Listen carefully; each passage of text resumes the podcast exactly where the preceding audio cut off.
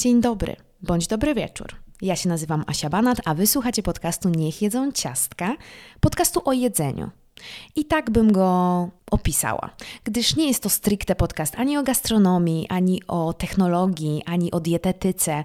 Jest wszystkim po trochu bo to wszystko gra mi w duszy, wszystkie tematy związane z jedzeniem grają mi mocno w duszy i mam nadzieję, że Wam też i że zostaniecie ze mną na dłużej. Dzisiaj zapraszam Was w podróż w czasie.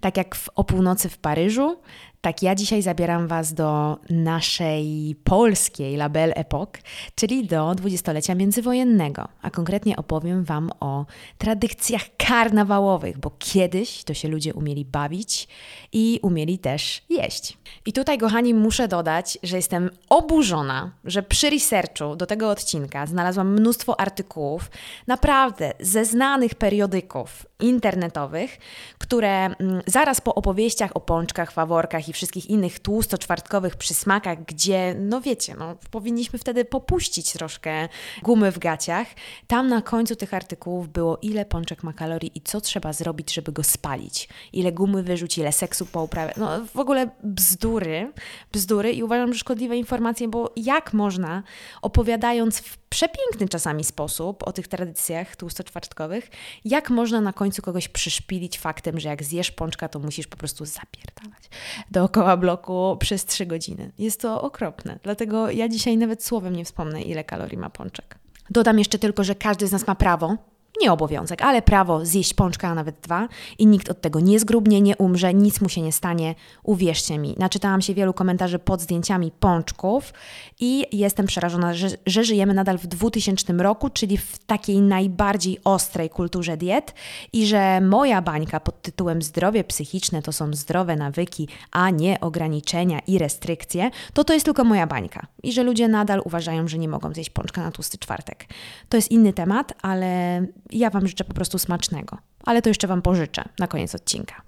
Ale wróćmy do historii i może się nią nawet zainspirujemy. Przenosimy się w czasie i to jeszcze nawet wcześniej niż e, do czasów międzywojnia w Polsce, bo chciałabym Wam e, powiedzieć, skąd w ogóle wziął się karnawał. No bo tłusty czwartek ostatki są częścią karnawału. Co oznacza karnawał? Karnawał pochodzi od łacińskiego carnem levare, co oznaczało dosłownie pożegnanie z mięsem, i dlatego ten czas karnawału nazywano nawet mięsopustem. Bo oczywiście w Polsce i w tradycji chrześcijańskiej poprzedzał czas Wielkiego Postu, ale generalnie z tradycji chrześcijańskiej się nie wywodził. Wywodził się jeszcze ze starożytnego Rzymu. Nie był to nawet typowo słowiański zwyczaj, ale zakorzenił się mocno w naszym społeczeństwie i zaczęto obchodzić zapusty. Według Kościoła były to oczywiście rozpusty i e, w czasie tych zapustów, w tym okresie takiego przednówka, pozwalano sobie na większą swobodę niż zwykle, na tańce, na hulanki, na swawole i oczywiście w tym czasie także nie dbano o dietę i pozwalano sobie najeść się dosyta, no bo zaraz miała się wydarzyć środa popielcowa, po której nastawał okres głodóweczki. No i w czasie tych rozpust kulinarnych sięgano nie tylko po słodycze i po alkohol, ale przede wszystkim właśnie po to karne, czyli po mięso, a w szczególności po słoninę. I to właśnie słoniną pierwotnie nadziewano pączki. Pączki nie były pierwotnie słodkie. Dopiero w XVII wieku zaczęto dodawać do nich słodkie konfitury i to też było wiecie, tylko dla bogatych. I ucztowanie następowało zwykle po jakichś brawurowych kuligach, do których zasiadano do suto zastawionych stołów. No a na tych stołach e, królowały już smażonki i uginały się one pod ciężarem przeróżnych mięs. E, o czym warto jeszcze pamiętać? Warto pamiętać, że podczas karnawału panowała z reguły surowa zima. No i praca na jakichś gospodarstwach polegała głównie na utrzymywaniu inwentarza, no i wręcz niektóre zwyczaje w Polsce nakazywały ograniczenie pracy i oddanie się odpoczynkowi i zabawie.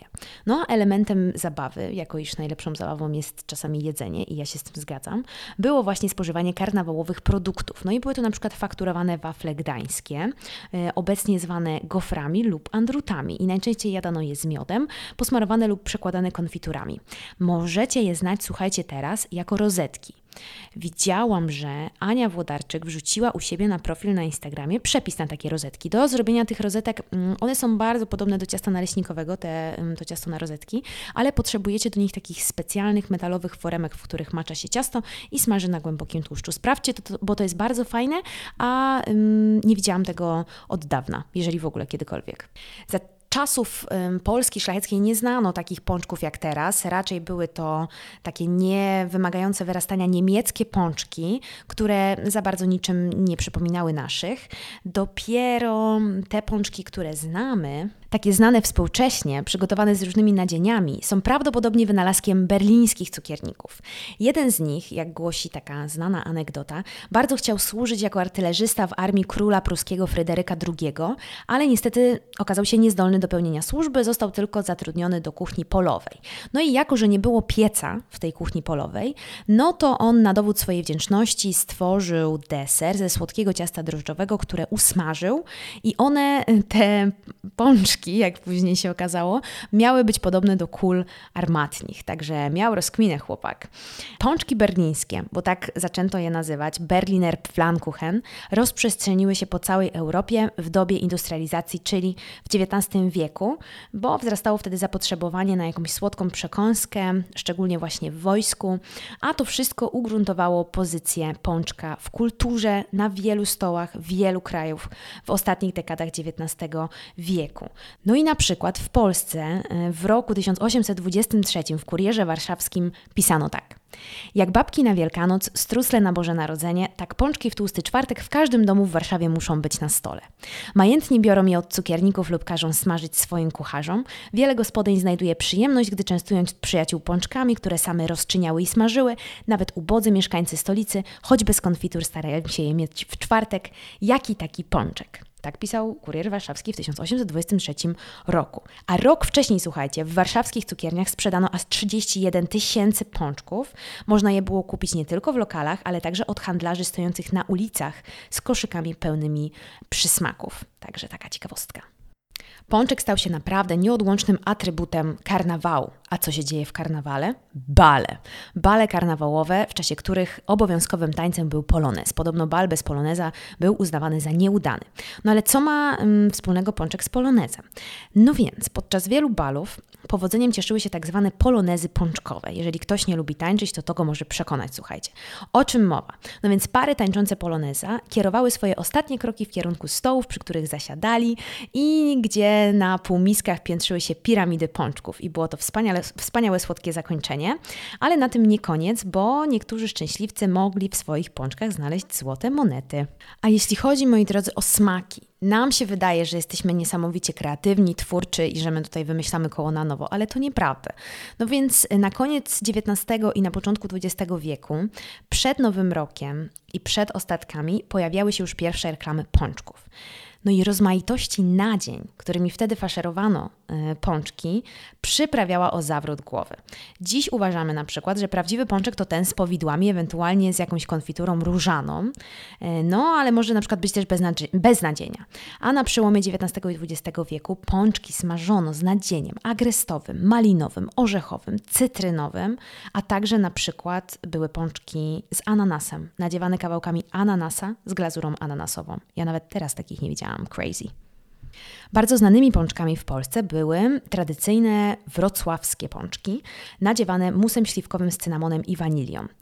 I Wybijały się one szczególnym aromatem, zresztą wrocławianie uważali je za wrocławski patent, y, choć na dzień było to obecne w innych miastach Niemiec, a nawet w Lwowie. No ale do najbardziej luksusowych należały pączki smażone w maśle. Smażono je powszechnie w domach, jak i w cukierniach, a same pączki były tematem dysput prasowych. Inne pączki, pączki lwowskie na przykład, robiło się bez nadzienia, za to z miodem wrzosowym albo gryczanym mm, lub także z likierem pomarańczowym, a zamiast cukrem pudrem polewało się je rozpuszczoną czekoladą. Te najbardziej popularne miały właśnie nadzienie ze śliwkowych powideł i walczyły o, o to pierwszeństwo z pączkami nadziewanymi konfiturą z róży, które były znane najbardziej w Warszawie. W niektórych okolicach, szczególnie na południu Pomorza, pojawiły się też pączki ryżowe, które wypiekano z ciasta, w którym mąkę zastępowano rozgotowanym ryżem. I ciekawostką tej formy pączków było to, że przed smażeniem były one obsypywane bułką tartą. Te pączki podawano najczęściej posypane cukrem i w towarzystwie kompotu. Takich też, słuchajcie, nigdy nie jadłam i nigdy nie, nie widziałam i jest to bardzo ciekawa też polska tradycja. A na przykład jeszcze południowe rejony Pomorza znane były z bułeczek z chlebowego ciasta zwanych oparzeńcami, ze względu na to, że po upieczeniu bułeczki oparzano wrzątkiem, a następnie polewano rozgrzaną okrasą. Było to dość wytrawne danie i stanowiło idealną zagrychę do mocnych alkoholi, jak mówi literatura z tamtego okresu. I tak słuchajcie, z XIX przechodzimy do XX wieku i e, przechodzimy właśnie do okresu międzywojennego. No, międzywojenny obiad nie byłby kompletny bez deseru. To był jeszcze czas, kiedy w tych bogatszych domach była służba. Organizowano tak zwane fajfy, czyli uwaga, five o'clocki, czyli te herbatki popołudniowe, na których gospodynie mogły nawet nie korzystać z pomocy służby i poczęstować gości jakimś e, słodką bułeczką, słodkim ciastem i właśnie herbatką. No i międzywojenny obiad nie byłby kompletny bez deseru. Co podawano? Kremy, mleczka, zefiry, kompoty, galarety, musy, kisiele, budynie, leguminy, suflety, torty, ciasta i ciasteczka, ale również naleśniki czy grzanki z konfiturami. Lista słodkości polecanych w dawnych książkach kucharskich, np. Dislowej, Monatowej czy Ćwierczakiewiczowej była bardzo długa. Na przykład na stoły trafiała często legumina. Leguminy często stanowiły całe osobne rozdziały w tych książkach tak jak e, je właśnie przeglądam. I co to były leguminy? Leguminy to były też naleśniki na przykład, ale były to też słodkie i sycące potrawy przygotowywane na mleko i na jajkach, między innymi z ryżu, z gresiku, z mąki kukurydzianej, z mąki gryczanej, z kaszki krakowskiej, z tapioki, z chleba, z sera twarogowego. No mnóstwo, mnóstwo inspiracji i pomysłów do dzisiejszych przepisów. Naprawdę, to jest w ogóle, uwielbiam te książki. Mm, podawano także galarety i galaretki podawano nie tylko owocowe, nie tylko robione z soków, ale również alkoholowe, ponczowe, winne, szampańskie, maraszinowe, czyli yy, z wiśni maraszino jak do czarnego lasu, a także o smakach kwiatowych, czyli różane i fiołkowe. No słuchajcie, jak to nie jest progresywne, to ja nie wiem, co jest. Do zapomnianych już e, trochę deserów należą bardzo popularne w dwudziestoleciu kremy, inaczej nazywane z francuska blamarzami, na przykład krem szodonowy, przygotowywany na bazie sosu z białego wina i z żółtek. Podawano też często zefiry i te zefiry już, słuchajcie, wracają do łask i nawet widziałam zefiry na jakichś słodkich stołach na, na przyjęciach weselnych, a zefiry są to delikatne pianki z lekko zamrożonego kremu śmietankowego z dodatkiem ubitych białek, który jest aromatyzowany owocami. Jest to baza trochę podobna do włoskiego semifredo. Mimo problemów z chłodzeniem w tamtym czasie, modnym deserem były lody. Skręciło się je w takich specjalnych maszynkach. No ale nie można także zapomnieć o słodkich wypiekach, wśród których, wśród których królowały oczywiście baby, mazurki, strudle, pierniki, no i torty. Jaki był najbardziej wykwintny tort tamtych czasów? Arcydziełem był podobno bezowy tort hiszpański, który w oryginalnej wersji składał się z takiej ażurowej ramy z bezy, która była pieczona w kilku turach, wypełnionej bitą śmietaną. W dawnych książkach kucharskich znajdziemy też dziesiątki przepisów na ciasteczka i na ciastka, często serwowane właśnie na tych fajfach, czyli na tych popołudniowych herbatkach. I mm, wśród nich są na przykład takie ciekawostki jak anyszki, które same się lukrują, tutaj oczywiście w cudzysłowie, wióry spod hebla, czyli takie wafelki formowane zaraz po upieczeniu, kształt serpentyny. Przypuszczalnie było to taki wafelek tiul, czyli coś, e, co wykorzystujemy teraz jako rurkę z kremem. E, były też makagigi, czyli łakocie z maku, które przypominały znane nam dziś sezamki. To wszystko, słuchajcie, gdzieś poszło w zapomnienie niestety przez czasy PRL-u. E, wiem z wykładów Alberta Judyckiego, czyli właściciela Lukulusa, że nie zdążono otworzyć przed II wojną światową szkoły kulinarnej, takiej z prawdziwego zdarzenia polskiej. Nie zdążono także opracować takiego podręcznika do gastronomii i zostały tak naprawdę tylko książki, takie jak książki Ćwieczakiewiczowej czy Monatowej i, i tyle. I, I nic więcej. Później po wojnie już nigdy jakby nie wrócono do starych receptów, bo w PRL, receptur, bo w PRL-u te wszystkie książki kucharskie są takie bardzo techniczne, bardzo takie higieniczne, technologiczne i mało tam niestety jest ze smaku i mało tam jest no, z tych wszystkich tradycji kulinarnych, które, które gdzieś tam nie przetrwały niestety. No dobrze, ale jeszcze pozwólcie mi, że opowiem Wam troszeczkę więcej o klimacie imprezowym, który panował właśnie w okresie międzywojennym. Wyobraźcie sobie, że gdzieś tam w tle przygrywa Mieczysław Fok i gdzie się chodzi? Najmodniejsze warszawskie lokalizacje to Hotel Bristol i Hotel Europejski, kasyno garnizonowe, salony Ministerstwa Spraw Zagranicznych, sale Teatru Wielkiego i Zamku Królewskiego oraz lokale Adria i Oaza. Na balach, które były organizowane w tych miejscach, stoły zastawione były wykwintnymi potrawami i wyszukanymi deserami. I na przykład lokal Adria zasłynął z tortów marcepanowych, które przylatywały codziennie samolotem z Lwowa. Jak wyglądały te miejsca? W dekoracjach dominował mm, styl art deco, taki dość oszczędny, ale podobno obfitość potraw i trunków była iście barokowa. To były czasy prezydenta Mościckiego, który był amatorem balów i do wystroju tych sal angażowano naprawdę najlepszych architektów. Co się działo? No oczywiście głównym elementem zabawy były, były tańce, no i tańczono Charlestona, Shimiego i e, mówi się, że nigdy wcześniej ani nigdy później nie było tak wystawnych balów jak w międzywojennej Polsce. Zapraszam wam, Was do mnie na, na Instagram, gdzie wrzucam trochę fajnych zdjęć z tamtego okresu. Fajnych, no po prostu ładnych i takich rozbudzających bardzo wyobraźnię.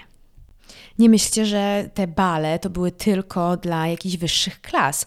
Wjazd na taki bal kosztował, e, widziałam jakieś takie przeliczenie na nasze, na dzisiejsze, 11 zł i bardzo dużo osób było w stanie sobie na to pozwolić i żeby dostać się na taki bal, to para kupowała balonik i stali ludzie z takimi balonikami praktycznie na każdym rogu Warszawy w karnawale i sprzedawali takie baloniki, które były wejściówkami na dany bal.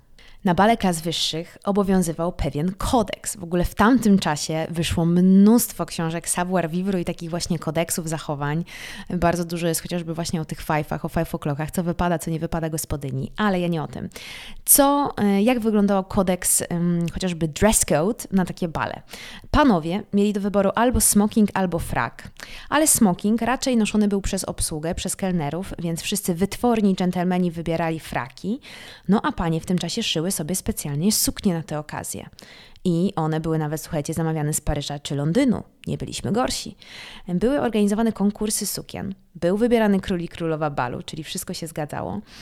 Ale wszyscy warszawscy właściciele domów mody prześcigali się w szykowaniu tych sukni, ponieważ taka wygrana była dla nich wtedy najlepszą reklamą. Jeszcze innym rodzajem imprez były bale przebierańców, bale przebierane.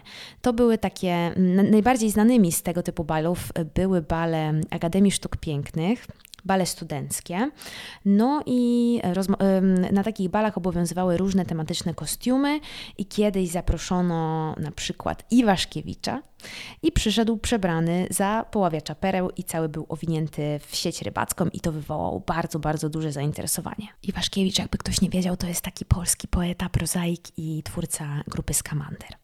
Wspominałam już Wam o tych najmodniejszych miejscówkach, no i tak jak w hotelu europejskim czy imprezki w, zam w Zamku Królewskim były ekstra, ale chyba taką najbardziej znaną miejscówką była Adria. W Adrii były dwa obrotowe parkiety, była klimatyzacja, która na tamte czasy była po prostu czymś niesamowitym. Były bary, gdzie serwowano najlepsze drinki, czyli na przykład Poloneskę i Manhattan, gdzie gości obsługiwali światowej klasy barmani. No i były też na przykład nielegalne towary dostępne pod ladą, o czym rzadko się oczywiście mówi, ale podobno właśnie tak było. No i z tego powodu to miejsce warszawiacy sobie ukochali najbardziej i chodzili chyba tam najchętniej i było to takie naprawdę najmodniejsze miejsce. No ale co jedzono? Zawsze mnie to najbardziej interesuje. Jedzenie było bardzo ważnym elementem y, tamtych imprezek. O północy była podawana ciepła kolacja, czyli na pewno jakaś zupa, na pewno ryby. Ryby w ogóle były wtedy bardzo modne i mięsa. I oprócz tego starano się zawsze wygospodarować jakąś osobną salę na zimne przekąski, żeby w czasie imprezki można było się posilić. Nad ranem serwowano gorący barszcz I była to taka bardzo prawdziwa tradycja karnawałowa. Jest tak nadal na weselach. W tych zimnych bufetach królowały kanapki, grzanki z serem, a także mięsina i wędliny i właśnie bardzo popularne były ryby. I tutaj taki cytat. Na balach można było zjeść szczupaki, sandacze, turboty, łososie i jesiotry, a ryby były często przyrządzane według XVII-wiecznych przepisów. Słynny szczupak miał smażoną głowę, gotowany tłów i pieczony ogon. Musiało to robić niesamowite wrażenie. No na pewno. Co jeszcze podawiano? Poda pojawiały się podobno duszone w maśle i winie trufle. Pojawiał się kawior, homar, raki. I co prawda na Zamku Królewskim albo w Ministerstwie Spraw Zagranicznych starano się prezentować kuchnię polską, ale nie oznacza to oczywiście, że królowały tam flaki, bigosy i woda, mm, bo na przykład mogła się pojawić zupa z żółwia. I tak, to była taka zupa z prawdziwego żółwia, niestety. Ale z myślą o kobietach przygotowywano bufet słodki i zalecano, że jeżeli na jakimś spotkaniu będzie więcej kobiet, no to wtedy tych słodkich przekąsek także będzie więcej. Jeżeli mężczyzn będzie więcej, no to więcej, więcej dań mięsnych i ogólnie mięsiw. Znakiem rozpoczęcia tej właściwej zabawy było zaproszenie do tańca. No i tańce rozpoczynał walc. Następnie tańczono mazurki i polonezy, a około północy dawano hasło do kolacji, która trwała mniej więcej do godziny drugiej. Później znowu tańczono i te tańce trwały już do białego świtu. Wtedy e, już, tak wiecie, po mm, takich, e, po, po zakrapieniu tańczono kujawiaki i oberki, a także błękitnego mazura, gdzie do tańca to panie prosiły panów. E, bal kończył zazwyczaj tak zwany biały mazur. W czasie balu w złym tonie było unikanie tańczenia, także kto nie lubił, to raczej nie mógł podpierać e, ścian, bo jeżeli ktoś nie tańczył, to uważano, że przyszedł zasadniczo tylko po to, aby się najeść, co było jakby w złym, w złym tonie, bo w zabawie karnawałowej nie chodziło tylko o bufet.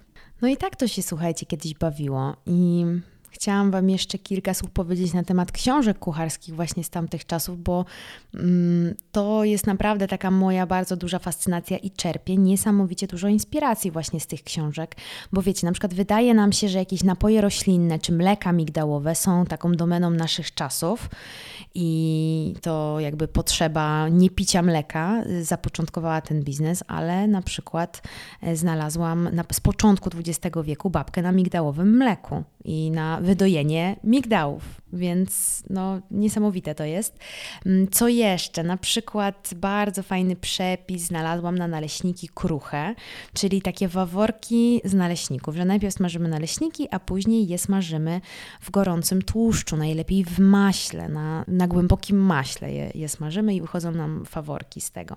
E, bardzo ciekawy przepis jest ten, też na szodon, już Wam wcześniej o nim wspominałam, jest to taki sos na bazie żółtek, na bazie wina białego i na bazie e, cukru. Szodon właśnie podawano e, z, z pączkami chociażby. No i jakie Wam polecam książki? Na pewno polecam Wam Monatowej książkę, która nazywała się, pełen tytuł, uwaga, brzmiał Uniwersalna książka kucharska z ilustracjami i kolorowymi tablicami, odznaczona na wystawach higienicznych w Warszawie w roku 1910 i 1926. Przyszło 2200 skromnych i wytwornych przepisów gospodarskich i kuchennych z uwzględnieniem niezbędnych warunków odpowiedniej diety codziennej, higieny oraz kuchni jarskiej. No i autorką właśnie jest Maria Ochortowicz-Monatowa. Na koniec chciałabym Wam zacytować właśnie Marię Monatową z 1910 roku, która powiedziała, a właściwie napisała w swojej książce takie zdanie. Sztuka kulinarna zmienia się z postępem czasu. Dawniej kładziono głównie nacisk na ilość, osobliwość i wygląd potraw. Dziś chodzi przede wszystkim o zdrowe i smaczne przyrządzanie, a przy wzrastającej coraz bardziej drożyźnie i o oszczędne prowadzenie kuchni. Brzmi to dość znajomo i bardzo to pasuje do opisu, który mógłby być wykorzystany w 2023 roku i z tym Was zostawiam. Zachęcam także do wypróbowania swoich sił w kuchni z przypisami, które są inspirowane właśnie tym dobrobytem i tym, tą frywolnością tamtych czasów. Także zapraszam chociażby do skorzystania z mojego przepisu na pączki, czemu nie. E, w tym tygodniu pojawi się jeszcze jeden przepis na bajnec na troszkę ulepszoną wersję Bajnec. Bajnec to są francuskie pączki, które są bardzo znane w Nowym Orleanie. Są na bazie mleka skondensowanego i mleka w proszku. E, to, są, to jest taka propozycja dla osób, które niespecjalnie lubią pączki nadziewane, bo to są pączki z cukrem, pudrem, tak zwane ponczucia. Co jeszcze chciałabym Wam powiedzieć? Chciałabym Wam bardzo podziękować za to, że słuchacie mojego podcastu. Za to, że jeżeli Wam się podoba, to zostawiacie e, oceny, że piszecie do mnie, że pytacie mnie o różne kwestie związane z podcastem. Bardzo mnie to cieszy, bo czuję, że po prostu po drugiej stronie jesteście Wy i że nie mówię tak do końca w eter. Także dziękuję Wam serdecznie. I do usłyszenia, do kolejnego odcinka. Słuchajcie, nie wiem o czym, bo, bo jeszcze nie zdecydowałam, bo ja te odcinki nagrywam bardzo z serca i bardzo po prostu przygotowuję je z, z pasją w danym momencie. Nie mogłabym e, rozplanować sobie tego na cały rok, więc na pewno jeden w miesiącu odcinek będzie. Postaram się dwa, a o czym, no to słuchajcie, co mi serce podpowie i szalona głowa. Do usłyszenia.